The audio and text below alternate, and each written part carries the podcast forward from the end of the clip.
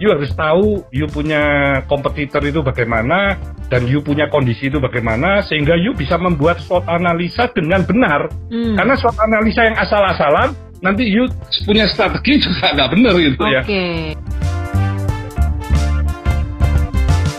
Pinter People, beberapa kali Pintership sudah membahas tentang efek COVID-19 untuk pengusaha F&B. Nah, kali ini Miss Rosi sudah bersama dengan salah satu pengusaha Taipan asal Surabaya yang bisnis unitnya udah banyak, beragam, dan sangat membanggakan. Nah, malam ini saya dapat kesempatan untuk mengupas bagaimana efek COVID-19 ini di masing-masing bisnis unitnya dan bagaimana ia yang adalah seorang leader dan entrepreneur menyikapi krisis ini. Sudah bersama dengan saya, selamat malam. Halo Bapak Hermanto Tanoko. Halo, selamat malam, Miss Rosi. Hai, senang sekali ya. Perkenalkan, nama saya Hermanto Tanoko ya. Saya adalah grup CEO dari Tankop yang membawai 8 subholding dan 36 bisnis unit. Oke, bisa disebutin Pak apa aja walaupun saya sudah sangat mengenal Pak Hermanto ini. Bisnis kalau unitnya 8, apa aja Pak? Kalau 8 subholding itu ada Tanbis ya, itu yang bergerak di manufacturing antara lain ada Avian, ada KTG, ada Foda, ada banyak perusahaan yang bergeraknya di manufacturing gitu ya. Okay. Terus yang kedua adalah properti. Kalau properti ya kami punya beberapa proyek untuk pergudangan, untuk industrial estate, untuk apartemen, untuk perumahan, uh, dan yang ketiga ada Tanli. Tanli itu adalah hotel manajemen yang membawai hotel Fasa bintang 5, Solaris bintang 3, dan Cleo yang uh, bisnis hotel ya. Terus ada Tanobel. Tanobel itu membawai food beverage. Jadi ada brandnya Cleo, ada brand Super Auto yang baru kami akuisisi, ada produksi biskuit juga dan uh, es tube, es tube juga baru kami akuisisi ya. Terus ada VOH itu adalah alkaline water, ada yang botol, ada yang galon juga. Terus yang keempat ada Tanling. Tanling itu adalah distribution network. Kami mempunyai distribution untuk uh, building material dengan 2.500 sales force, 90 cabang di seluruh Indonesia, dan 45.000 uh, customer base toko bahan bangunan ya. Wow. Terus yang yang satu lagi distribution bergerak di bidang consumer khususnya memasarkan Clio dengan 160 cabang dengan 1000 sales force di seluruh Indonesia juga, seluruh pulau juga ada ya. Terus yang kelima adalah Tan Life. Tan Life itu adalah healthy dan beauty ya. Jadi kami ada produksi farmasi, ada herbal, ada beberapa perusahaan kosmetik, ada skincare, dekoratif gitu ya.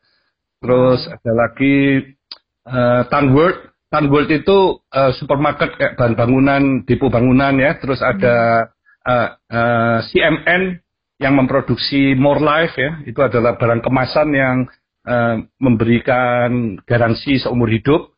Ada juga Hey, Hey itu ada herbal Equiva internasional itu produk-produk untuk slimming, untuk suplemen, untuk supaya hidup lebih sehat. Terus uh, ada lagi yang kedelapan ini uh, adalah Tan Creation. Tan Creation ini adalah FNB. Ini adalah subholding kami yang paling muda sesungguhnya. Hmm. Jadi setelah ini kan sesungguhnya dari cat, saya ini dari cat kan selama 20 tahun benar-benar fokus. Lantas kami terus berkembang pabrik cat ini kan tidak pernah berhenti dalam membangun ya. Hmm, hmm, hmm. Jadi mulai saya gabung 82 sampai sekarang 2020 nggak pernah berhenti membangun. Jadi ekspansi terus. Dari wow. situ kan kami banyak beli tanah. Dari beli tanah akhirnya kami mempunyai tanres tuh. Nah, hmm. tanres itu beli-beli tanah itu mulai tahun 2000 beli terus sehingga akhirnya ada beberapa tanah yang lebih cocok untuk hotel. Akhirnya punya hotel. Hmm. Nah, dari punya hotel terus kami juga punya chefnya ini kan puluhan nih chefnya ini ya. Hmm, hmm, hmm, nah, chef yang banyak ini sering ketemu, sering ngomong, terus banyak menu-menu. Nah, terus saya baru melihat, wow, bisnis F&B ini di Indonesia luar biasa sekali. Nah, terus akhirnya uh, timbullah Tan Creation itu tadi. Jadi sesungguhnya satu persatu itu juga ada historinya. Seperti kosmetik. Loh kenapa kok masuk kosmetik? Karena waktu saya ditawarin perusahaan kosmetik, saya masuk ke perusahaan kosmetik tersebut, saya kaget. Loh, ini kok prosesnya sama ini sama cat. Ini mulai dari mixing, ada grinding ya. Terus eh, bahan bakunya juga mirip semua, mulai dari pigment, aditif, binder, semuanya hampir sama. Bedanya cuma technical grade dan uh, cosmetic grade. Hmm. Beda yang lain lagi adalah substrate-nya. Kalau cat itu kan di dinding, di kayu, di besi. Nah, kalau kosmetik di, di wajahnya kulit, orang ya Pak. Dan kebanyakan kulit, ya. kulit wanita. Kulit hmm. wanita setiap hari, pagi, siang, sore, malam, terus di, di memakai produk kosmetik. Jadi saya ngomong, wow ini luar biasa sekali kosmetik itu jauh lebih besar daripada cat itu. Kalau saya lihat browsing perusahaan-perusahaan di dunia, mm. ternyata yang terbesar itu sama-sama terbesarnya masih menang kosmetik dibanding cat gitu ya. Mm. Nah itu yang membuat saya tertarik. Okay. Kalau bisnis air minum juga karena e, kemasannya ya, kami waktu di cat kan juga membuat kemasan-kemasan plastik. Akhirnya kami punya pabrik plastik. Begitu masuk ke ke air minum, oh kalau ini kami buat air tidak hanya air tapi semua dengan kemasannya terintegrated, kami akan menjadi uh, punya satu strategi dan bisa menjadi yang pemenangnya itu. Jadi satu-satu itu semua kami kalau merasa masuk itu bisa menjadi pemenang, kami akan masuk. Okay. Kalau enggak, kami kami tidak akan masuk ya. Jadi kalau di bisnis unit di bawahnya uh, saya mungkin nggak nyebut satu persatu ya karena itu banyak sekali dan saya juga nggak hafal. Mm -hmm. Saya sendiri kadang bertambah pun saya juga nggak ngikutin karena dari anak perusahaan kan mereka juga bisa mempunyai cucu perusahaan juga ya. Wow, terima kasih Pak. Perkenalannya sangat uh, membuat semua pendengar uh, podcast kita ini semua akan mem bisa membayangin seberapa besar ini bisnis yang sedang ya. disetir oleh seorang Bapak Hermanto Tanoko. Boleh saya langsung ke pertanyaan ya Pak ya? Boleh, okay. boleh.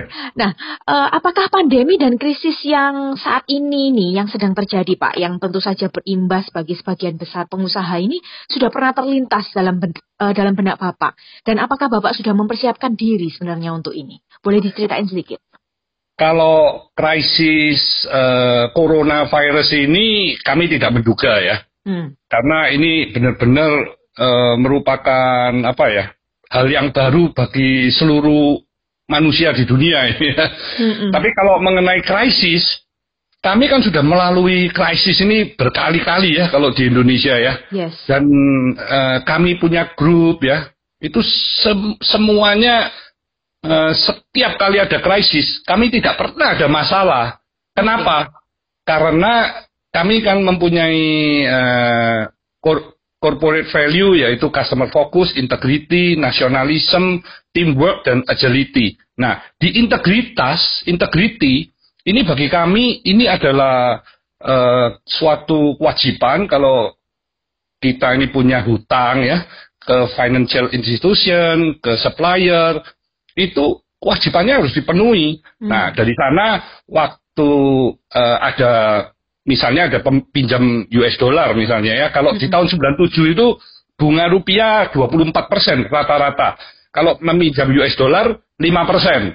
Depresiasi rupiah dengan US dollar kira-kira juga kurang lebih 5 persen. Hmm. Jadi kalau orang yang pinter-pinter ngitung, orang finance ya, itu kalau ngitung, wow kalau pinjam US dollar berarti setiap tahun bisa savingnya 14 persen nih selisih perbedaannya. -hmm. Nah, kalau kami tidak mau cara menghitungnya begitu, karena kami tahu kalau sampai US dollarnya ini melambung, rupiahnya kena devaluasi, wow, kewajibannya jadi lima kali lipat, enam kali lipat itu berat.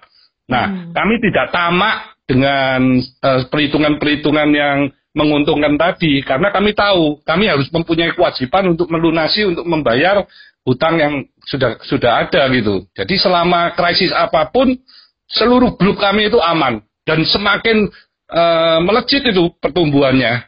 Hmm. Karena kami tidak mengalami suatu kesulitan keuangan apa-apa. Nah, di era COVID ini pun sesungguhnya sama. Karena kami ini meskipun agresif, agile, tapi kami memperhitungkan. Kami mempunyai uh, dana yang cukup untuk menghadapi krisis apa pun dalam waktu yang lama pun. Karena perusahaan-perusahaan saya ini kalau mulai kecil ya, mulai awal, itu tidak ada yang berhutang dengan bank biasanya ya. Hmm. Nah, begitu perusahaan ini bertumbuh, berkembang, nah itu membutuhkan nih dana pihak ketiga supaya perusahaan ini semakin cepat lagi bertumbuhnya. Nah, itu baru pihak bank masuk, tapi kami sudah pasti bisa melunasi uh, bunga-bunga yang dikenakan oleh bank. Nah, setelah perusahaan ini terus bertumbuh menjadi besar, nah kalau sudah besar, itu kadang ekspansinya itu tidak sebesar keuntungan yang sudah diperoleh. Hmm. Sehingga dari keuntungan itu, selain untuk ekspansi, bisa untuk membayar hutang bank. Jadi kalau perusahaan kami sudah besar, itu sudah tidak punya hutang lagi. Kembali waktu di awal muawal kita start the business. Jadi so far bisnis-bisnis kami itu kami jalankan dengan sangat konservatif kalau di sisi keuangan sehingga kami aman. Malah posisi sekarang ini saya lagi hunting nih, ada perusahaan-perusahaan bagus nggak yang butuh partner, butuh strategic, strategic partner, kami bisa masuk. Hmm. Kalau kalau kami masuknya minority misalnya 25 30 persen, berarti perusahaan tersebut begitu kami masuk akan kami IPO kan. Karena hmm. kami minority, kami juga harus memikirkan bagaimana nanti exitnya. Jadi kami ingin perusahaan itu jadi terbuka juga. Jadi kami IPO-kan. Tapi kalau memang perusahaan secara size belum besar, itu kami harus majority. Nah ini pengalaman-pengalaman saya dalam tiga tahun belakangan ini sudah banyak tuh perusahaan-perusahaan yang eh, menggandeng Tankop ini sebagai strategic partner. Hmm, wow, wow, wow. Pinter people, ini amazing banget sih menurut saya. Saya belajar banyak banget bahkan dari pertanyaan pertama yang saya lontarin. Gimana seorang Pak Hermanto ini bahkan pada saat krisis sudah mempersiapkan diri karena finansialnya memang sudah benar-benar dipikirkan dengan cara konservatif yang mana jadi di, dihantam dan dihempas krisis ini tetap ada operasional dan perusahaan tetap keep on going gitu ya Pak ya? Yes. Oke, okay. tapi yes. boleh nggak saya tahu sektor bisnis apa yang paling terimbas dari delapan subholding ini yang sudah Bapak sebutin tadi di awal ini?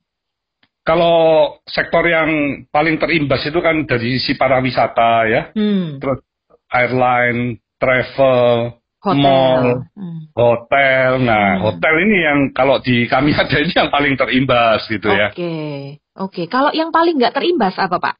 kalau yang nggak terimbas itu uh, healthcare ya, kosmetik kami itu tidak ya. Hmm. Terus kami juga kebetulan ada bisnis F&B yang baru, baru kami akuisisi di bulan Januari tahun 2020 ini dan karena penjualannya hampir 90% itu online, hmm. itu juga nggak terimbas.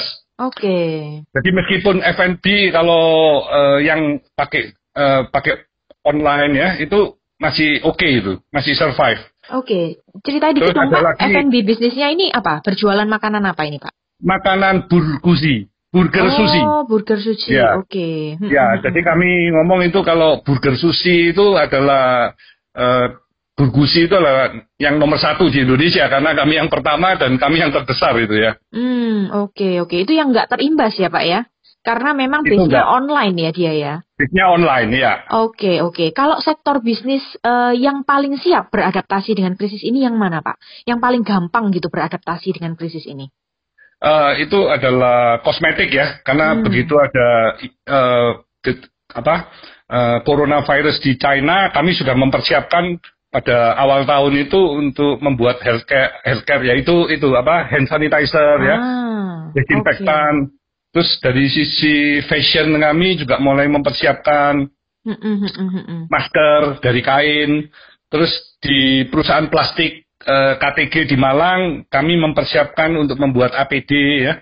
Oke. Okay. Jadi yang terakhir kan kami mengirim eh, sepuluh ribu APD untuk disumbangkan itu ya ke rumah sakit rumah sakit ke okay. ke mana klinik-klinik uh, yang memerlukan gitu ya. Okay, Dan nice Cleo, Cleo, Cleo juga termasuk tidak kena tidak kena imbas, imbas ya. ya. Hmm. Uh, hanya small packnya aja beberapa, tapi kalau galonnya malah mengalami peningkatan ya. Hmm, karena banyak orang di kalau, rumah ya sekarang Pak. Betul betul. Hmm. Karena itu merupakan kebutuhan pokok ya. Hmm, hmm, hmm, hmm. hmm. Ya. Oke. Okay. Lalu untuk sektor bisnis yang terimbas tadi yang Bapak sebutin yang di bisnis pariwisata, hotel, strategi bertahannya sekarang apa Pak?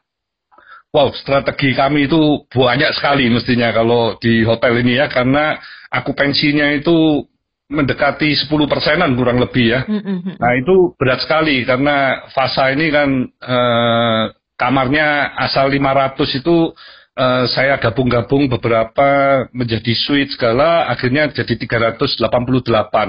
Nah itu kan masih cukup banyak sekali itu karyawannya. Jadi kami melakukan uh, perampingan yaitu uh, beberapa karyawan itu akhirnya kami pindah ke bisnis unit yang lain. Oke. Okay. Jadi bisnis unit bisnis unit yang sedang berkembang kami kami sebarkan dulu sementara ya. Jadi hmm. supaya beban dari fasa ini juga bisa dikurangin karena hmm. dari sisi income-nya kan menurun. Oh. Nah dari sisi tim salesnya ini juga sangat agresif dia menjual voucher satu tahun ke depan ya supaya bisa mendapatkan cash in ya. Okay. Terus juga me, apa kalau misalnya ada keluarga-keluarga yang uh, ingin mengkarantina diri selama 14 hari, kami juga punya floor yang benar-benar dia harus di kamar saja. Tapi ini bukan yang kena positif COVID ya, ini mm -hmm. masih masih negatif, tapi dia ingin uh, mengkarantina mandiri gitu. Itu kami juga ada gitu. Jadi so far ya.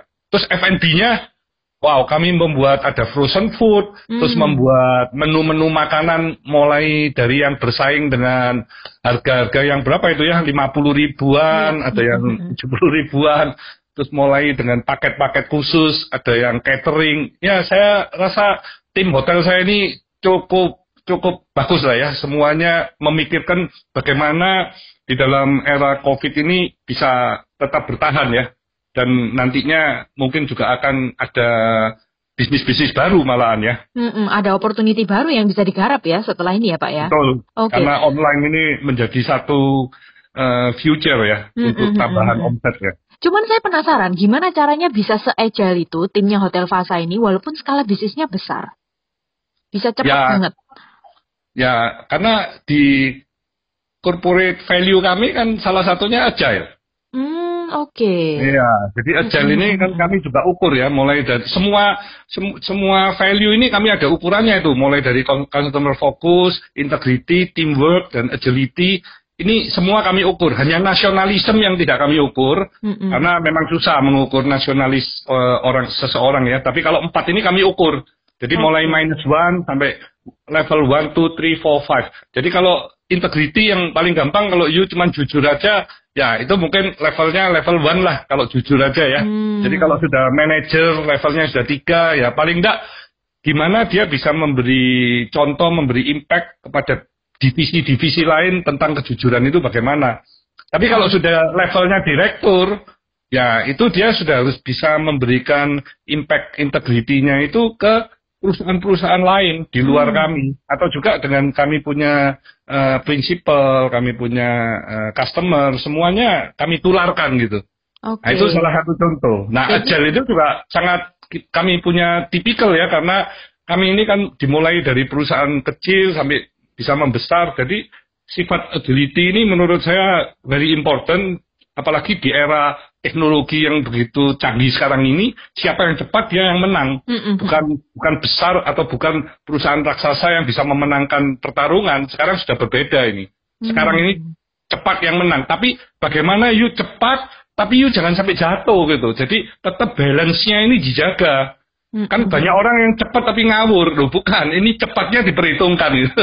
Oke, okay, ada bukan, indikatornya bukan ya Pak. Ngawur ya. Gitu. Iya, semuanya mm-hmm. harus hati-hati kan. Jangan sampai uh, cepat tapi nggak ada nggak ada pengamannya ya. Terus kalau sampai terjadi sesuatu, yuk jadi uh, musibah, loh itu kan another problem itu nanti kan. Benar benar benar benar. Hmm. Wow luar biasa. Nah kalau menurut bapak, apakah perilaku konsumen setelah pandemi ini akan berubah? Oh pasti berubah dong, pasti berubah ya. Jadi kalau sekarang sudah banyak sekali Eh, meeting-meeting itu kan sudah pakai Zoom, hmm. pakai Meet ya. Ada yang pakai WhatsApp, WhatsApp yeah. call group. Mm -mm. Nah, nanti setelah COVID ini menurut saya komunikasi ini semakin luar biasa ya. Beda hmm. dengan yang dulu ya. Kayak sekarang saya ini dengan banyaknya bisnis unit. Dulu saya mengenal kalau perusahaannya besar mungkin belasan. Kalau perusahaannya kecil, saya mungkin mengenal cuma satu dua orang gitu ya. Tapi dengan sekarang ikut Zoom, terus ikut seluruh kota di Indonesia ikut. Saya kan tahu tuh kalau ada orang yang komen, orang yang bisa memberikan uh, masukan-masukan kreatif, lu saya akan lihat. Wow, berarti yang talent-talent ini akan semakin bisa saya lihat tuh kalau okay. yang kalau kalau sekarang ya. Jadi menurut saya perubahan-perubahan yang positif itu juga banyak juga karena COVID ini ya. Salah satunya ya teknologi untuk kita berkomunikasi Bagaimana hmm. kita berkoordinasi jauh lebih bagus daripada dulu.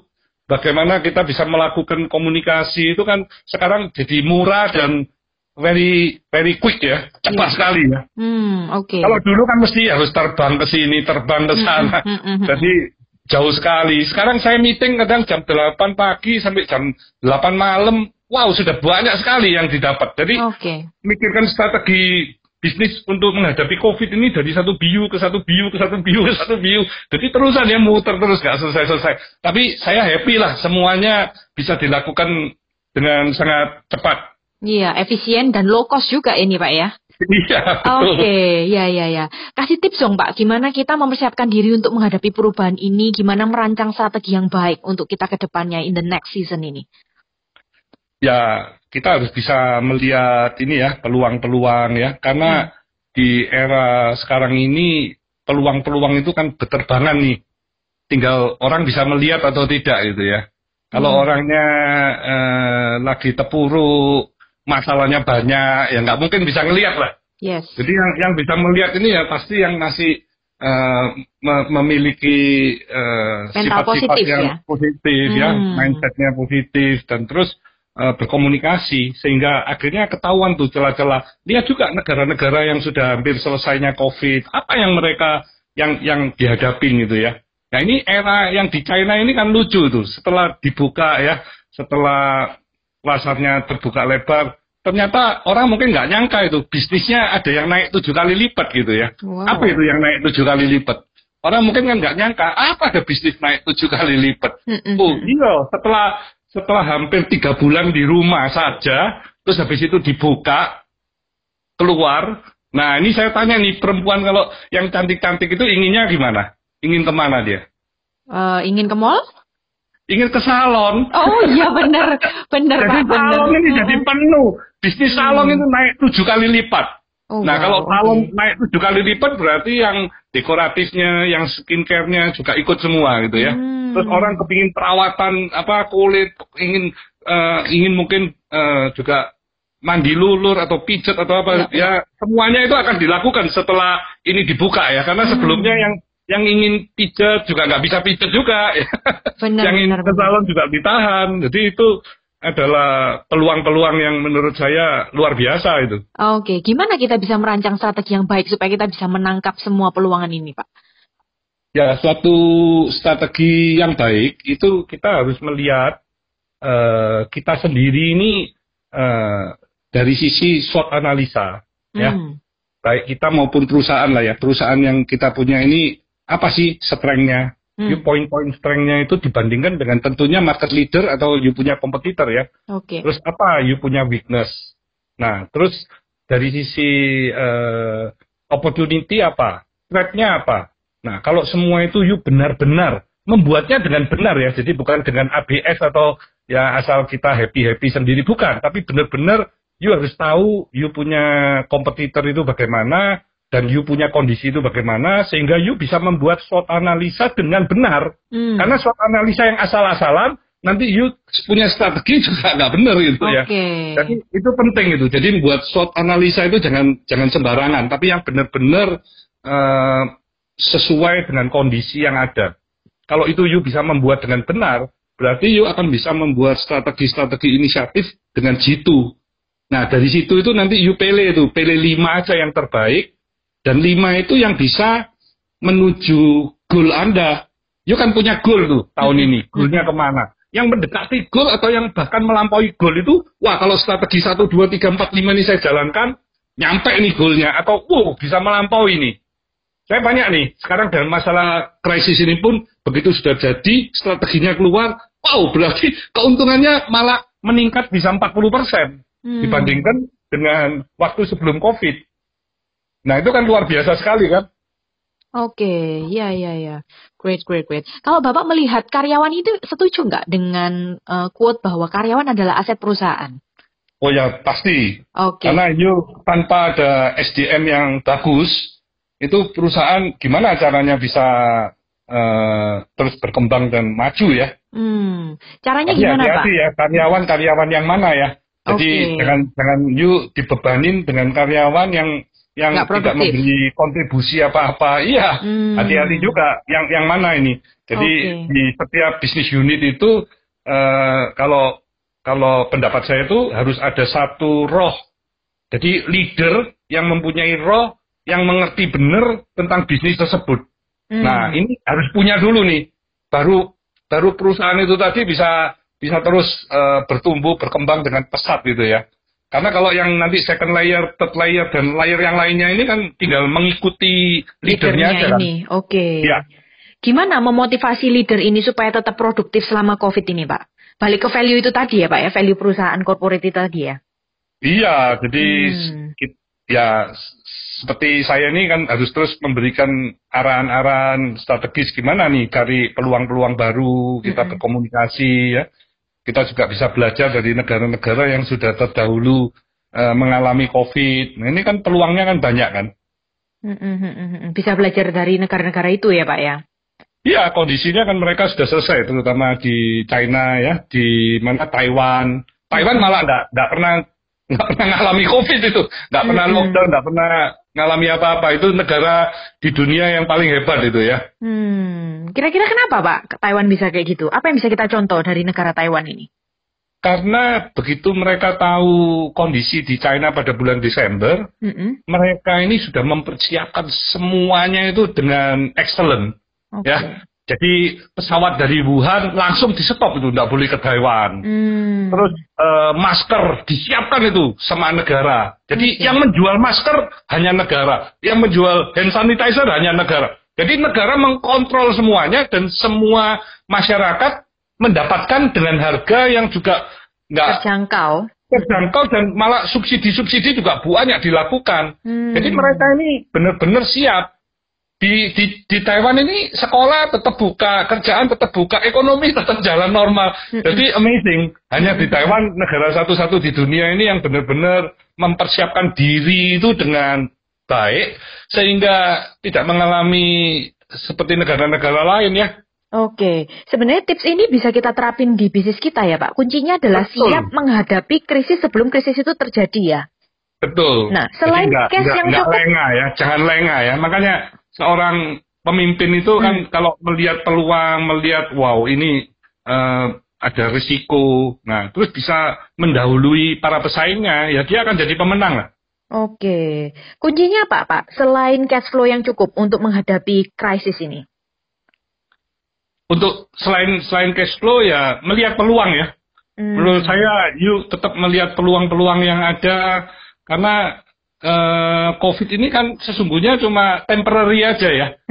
Kira-kira cuma berapa bulan aja kan, mungkin hanya tiga bulan, empat bulan. Setelah itu akan mulai kembali ke normal, meskipun tidak 100% normal, tapi kan bisa mulai ke 50, 60, 70, 80, mungkin sampai di bulan September sudah 100% normal gitu ya. Nice, nice. Kan nice. bukan jangka panjang gitu ya. Ngapain Benar. kok di, dipikirin kayak dunia mau kiamat gitu. Saya juga kadang-kadang heran ya.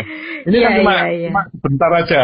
Jadi ya kita tetap harus mempersiapkan apa yang terjadi setelah COVID. Oke, okay, wow, nice.